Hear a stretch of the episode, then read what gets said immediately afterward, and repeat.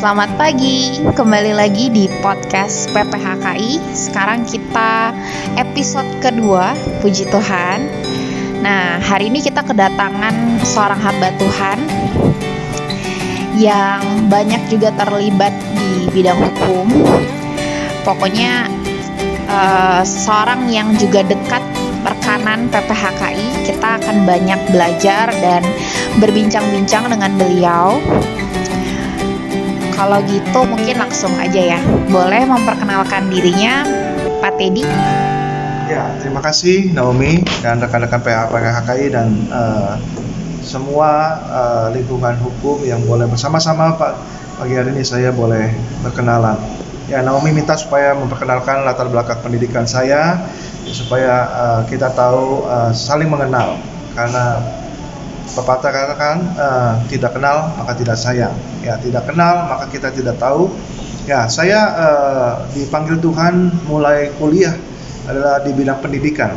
Jadi di UKI saya ambil PAK pendidikan agama Kristen. Oh. demikian juga saya melanjut uh, kuliah S1 di Sekolah Tinggi Teologi Baptis untuk uh, sarjana teologi yang Terus setelah saya melanjutkan S2 di bidang konseling, konseling Kristen di STT Iman. Oh. Jadi belajar bagaimana uh, mengkonseling dan juga melayani orang-orang dengan berbagai macam masalah. Nah, untuk S3 saya sebenarnya kuliah untuk PhD untuk uh, kerjasama dengan Dallas Theology Seminary. Tapi karena di Indonesia PhD tidak uh, termasuk dalam dalam uh, rangkaian pendidikan uh, di Indonesia mengakui uh, teologi dari uh, sarjana teologi, master teologi dan doktor teologi. Jadi saya uh, turun grade-nya jadi saya ambil uh, doktor teologi ya. Jadi harus ambil master juga. Master saya teologi STT uh, STT II Injil Indonesia di uh, Jogja. Jadi saya ambil wow. dua master. Jadi uh, yang uh, terakhir saya ambil doktor di bidang misi. Ya sebenarnya uh, masalah misi uh, sebenarnya bukan fokus tapi karena kajian disertasi saya tentang uh, tentang uh, akhir zaman. Wow. jadi uh, memang kenapa saya kuliah latar belakangnya saya ingin bertanya kepada Tuhan satu pertanyaan satu khotbah yang uh, tentang Raja Daud. Raja Daud adalah seorang yang diperkenan Tuhan dalam kisah Rasul bahwa dia melakukan kehendak Tuhan di zamannya. Ya jadi artinya saya mau tanya dengan ayat itu Tuhan saya hidup di zaman apa dan bagaimana saya bisa berjalan dan fashion Tuhan di zaman zaman saya hidup apa. Jadi itu sebabnya disertasi saya disertasi saya bicara tentang atau menggali semua Alkitab tentang akhir zaman. Bagaimana saya di zaman kita hidup, di zaman apa dan harus melakukan kehendak Tuhan yang mana. Nah, setelah saya menggali tentang akhir zaman, saya menemukan bahwa kita akhirnya harus berlomba dengan waktu karena waktu Tuhan sudah sangat-sangat dekat. Dan semua nubuatan Alkitab tentang kedatangan Tuhan sudah terpenuhi. Dan kita tahu bahwa nanti saya akan bicara tentang tahun ini bagaimana dengan konjang ganjingnya dan guncangan-guncangan COVID dan segala macam. Nanti uh, berikutnya saya akan jelaskan. Tapi intinya saya menemukan ketika itu saya uh, passion kepada akhir zaman tentang misi pengabaran Injil dan juga ketujuh gunung Ya, jadi uh, Tuhan tempatkan saya pelayanan bukan hanya akademis tapi Naomi minta supaya bicara tentang pelayanan saya. Tuhan bawa saya kepada berbagai pelayanan. Kenapa ke mesma hukum? Ini menjadi aneh. Jarang sekali hamba Tuhan yang melayani mesma hukum dan dan uh, bekerja sama dengan para pengacara. Tapi memang setiap tahun ada passion. Setiap tahun saya berdoa. Ada kalanya Tuhan bicara waktu uh, passion di masa muda saya umur uh, eh, 30-an saya uh, passionnya dapat pelayanan anak muda. Jadi bertahun-tahun sekitar 5-10 tahun saya tidak mau jadi gembala, tidak mau jadi asisten gembala. Saya passion mengumpulkan anak muda, memenangkan, menobatkan mereka supaya ada generasi yang baru. Nah berikutnya Tuhan juga bawa saya kepada gunung-gunung yang lain, gunung uh, pemerintahan. Ya saya dipercayakan Tuhan untuk melantik pejabat-pejabat ya di seluruh kementerian, demikian juga di uh, lingkungan uh, farmasi dan juga kedokteran dan juga yang lain. Jadi uh, passion juga tahun-tahun ini belakangan uh, kepada anak muda kembali panggilan. Saya mementor anak-anak muda ya di rumah dari Komsel 5 sampai sekarang ya puji Tuhan hampir 100 kurang lebih. Ya.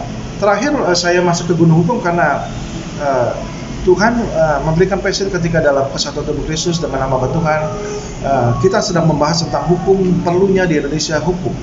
Ya di mana juga saya terus uh, diingatkan Tuhan buat mesbah hukum.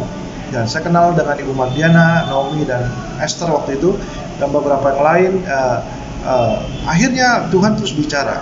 Ya setelah bukan hanya saya dipanggil berkhotbah mengisi firman tapi ada saatnya Tuhan katakan bangun mesbah. Ketika kita bangun mesbah di situlah kita uh, kita benar-benar sungguh-sungguh menyerahkan dan berkolaborasi dan juga mencari kehendak Tuhan di gunung di mesbah hukum. Dan kehendak Tuhan kita doa supaya menjadi nyata dalam dalam uh, kita melayani Tuhan dan hukum bisa sungguh-sungguh berkolaborasi dengan Tuhan dan karena Tuhan adalah penegak hukum dan pembuat hukum. Kita tahu di zaman perjanjian lama uh, Tuhan memberikan hukum kepada 10 hukum atau Taurat Tuhan ya hukum Taurat kepada bangsa Israel. Tuhan itu adalah dikatakan dia adalah hukum sendiri. Kalau Indonesia bilang hukum itu panglima ya kita tahu Tuhan sendiri adalah hukum. Dia suka hukum. Dan kalau dalam satu negara pasti hukum adalah menjadi faktor-faktor yang penting. Selain ada rakyat, ada pemerintahan hukum. Ya. Jadi itu sekira uh, kenapa saya terjun di dunia hukum dan pengenalan diri. Ya. Luar biasa. Nah, Pak Teddy ini juga melayani di pemerintahan mungkin bisa diceritain Pak uh, kesibukannya hari-hari ini juga. Ya, puji Tuhan uh, Tuhan uh, menolong saya, membawa saya untuk uh, mentransformasi gunung tersurat pemerintahan. Jadi memang saya membuka diri sebenarnya, membuka diri uh, ketika saya diminta oleh ketua arah saya untuk ya bicara atau uh, bersama-sama uh, melayani di bidang pemerintahan.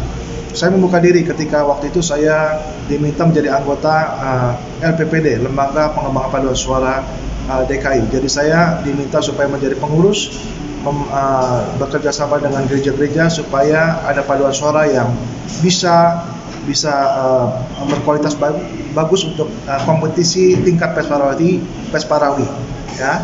Festival paduan suara gerejawi dari tingkat kota sampai ke tingkat nasional.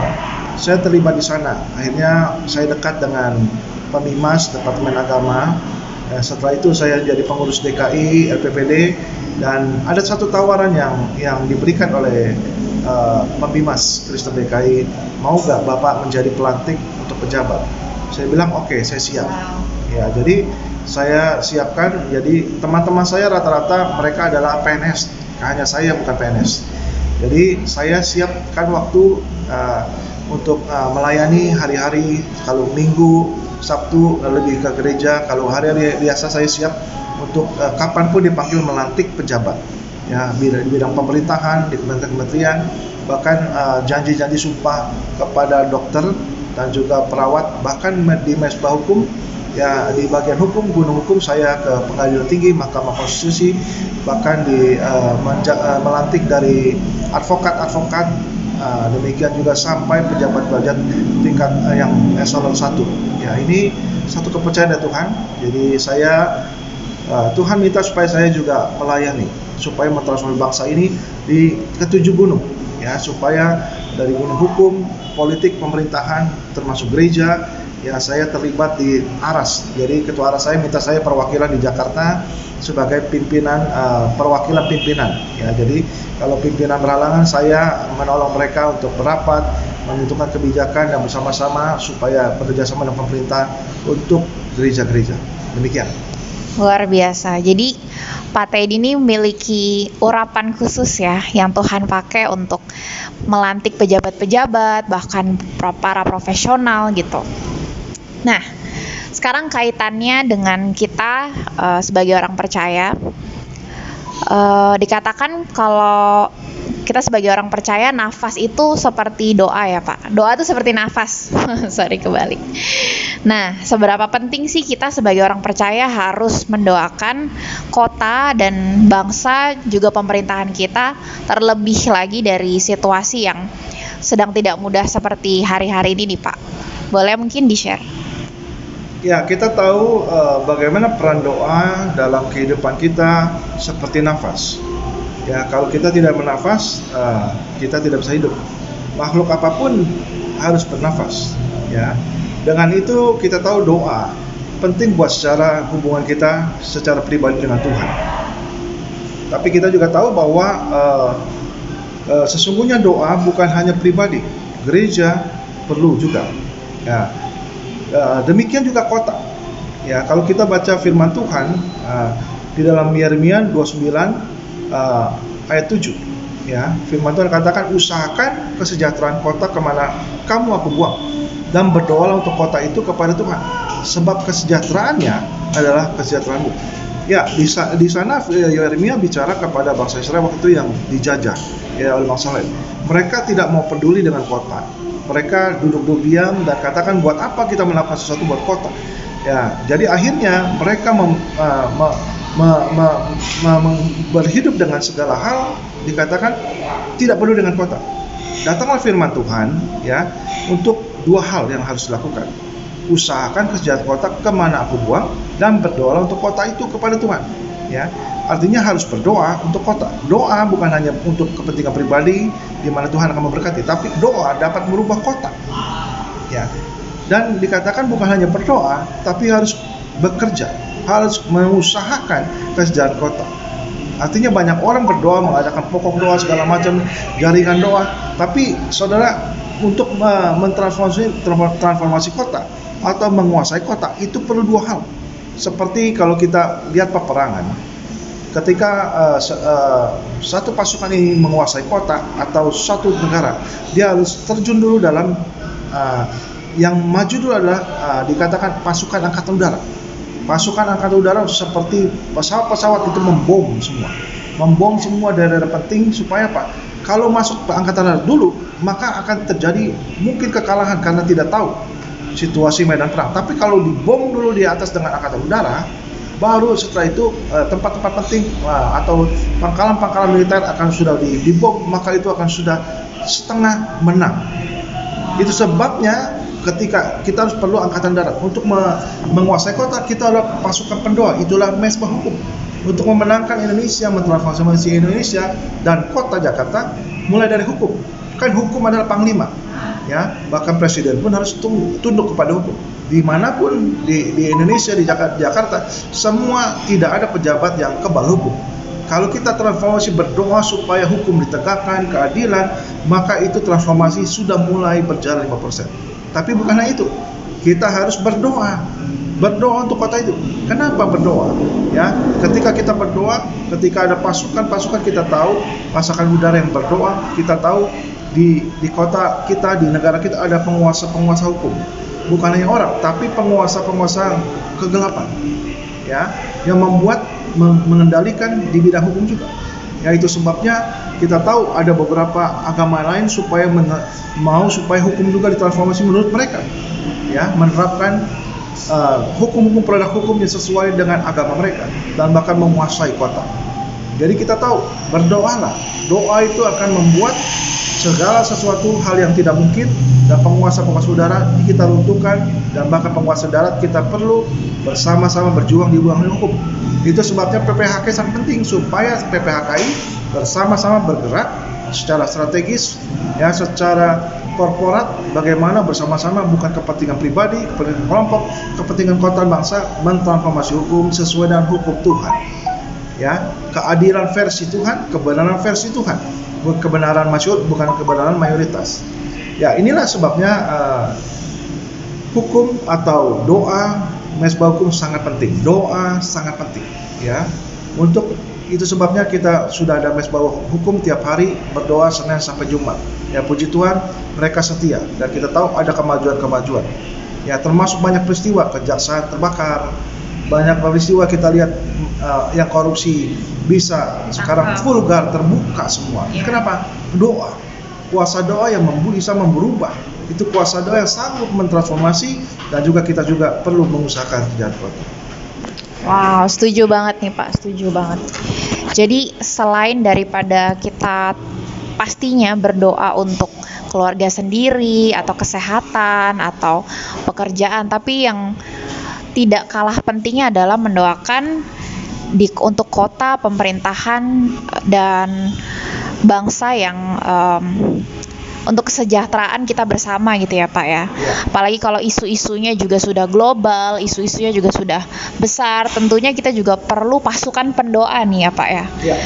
Perlu pasukan pendoa untuk sama-sama berdoa secara korporat untuk kita lebih dahulu nih teman-teman yang mendengarkan menguasai wilayah. Jadi kita setidaknya sudah setengah menang seperti yang tadi Pak Teddy jelaskan. Wah, memberkati banget nih. Oke, kalau gitu mungkin cukup untuk hari ini cukup untuk sampai sini. Kita akan lanjut di episode selanjutnya. Uh, saya Naomi dari staf sekretariat PPHKI sampai bertemu kembali di episode podcast PPHKI selanjutnya. Tuhan memberkati.